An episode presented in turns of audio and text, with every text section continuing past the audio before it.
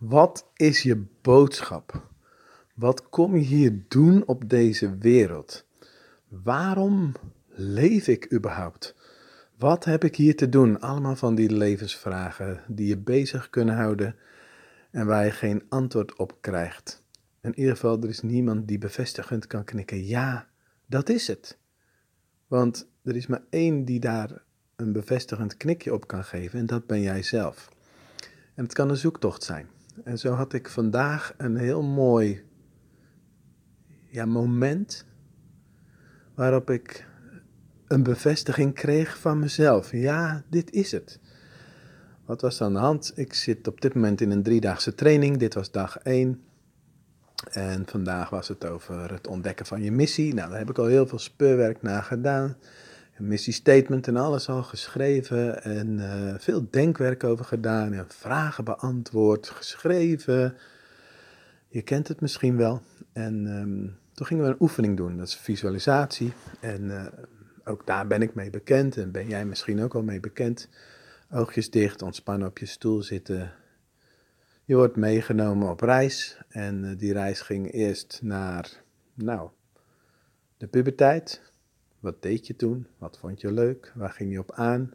Waar verloor je de tijd bij? Enzovoort. Nou, dan heb je daar nog een duidelijk beeld bij, want ja, dat kun je je gewoon herinneren. Je ziet jezelf daar nog staan of zitten. En um, toen gingen we een stapje verder terug. Naar de tijd dat je zes, zeven jaar was. En ook dat, als je nou even gaat graven, daar heb je nog wel beelden van en uh, dat kun je ook nog wel zien. Wat deed je toen? Wat was toen je, ja, waar je mee bezig hield? En je toekomstbeeld. Uh, nou, even denken of ik het goed zeg. Gingen we toen naar baby zijn? Ja, toen gingen we naar baby zijn. En dan denk je al van, ja, hallo. Um, weet ik veel wat ik toen dacht. Dacht ik toen überhaupt wel na? Dus dan wordt het vaag. En een oefening is niet vaag, maar op dat moment voor mij uh, kon daar eventjes niks mee. Nou, gingen nog een stapje verder terug. Wat is er voor uh, baby zijn? De baarmoeder. Geen idee, wat moet ik me daar überhaupt bij voorstellen? Dus wat er bij mij dan gebeurt is, ja, ik haak een beetje af. Ik denk, ja, ik, ik kan hier niks mee. Kun je vast iets bij voorstellen. En we gingen nog een stapje verder terug. Wat zei God tegen je voordat je de baarmoeder inging? En dan gaat het onbewuste aan het werk en ik kreeg gelijk het antwoord. Mijn missie, mijn boodschap, het werd gelijk heel helder.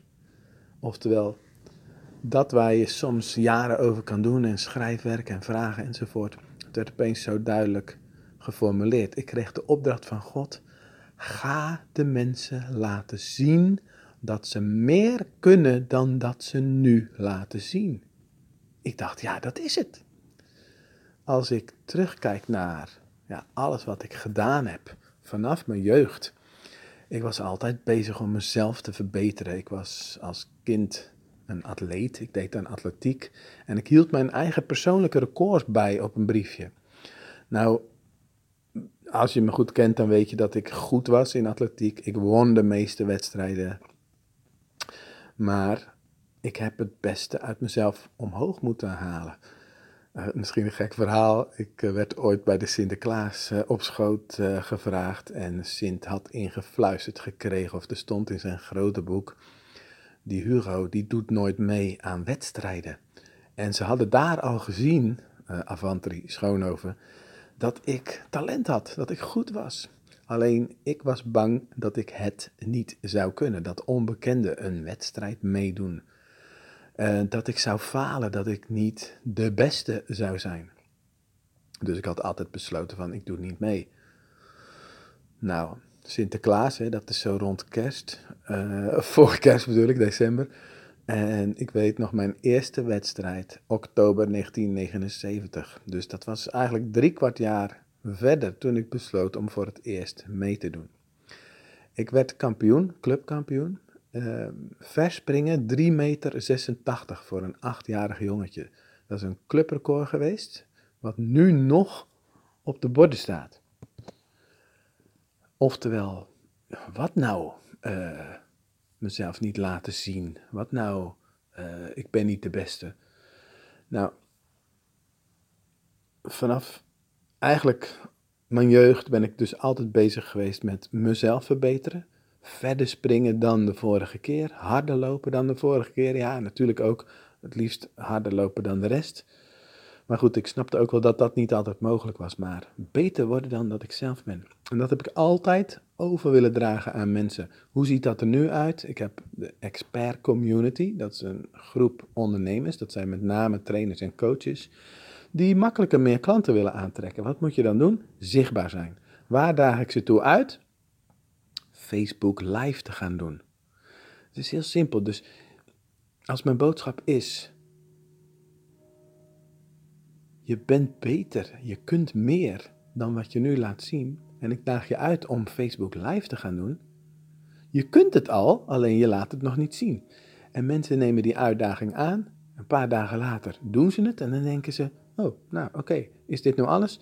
Als ik dat binnen de veilige eh, groep doe van de expert community, nou, dan kan ik het daar buiten ook.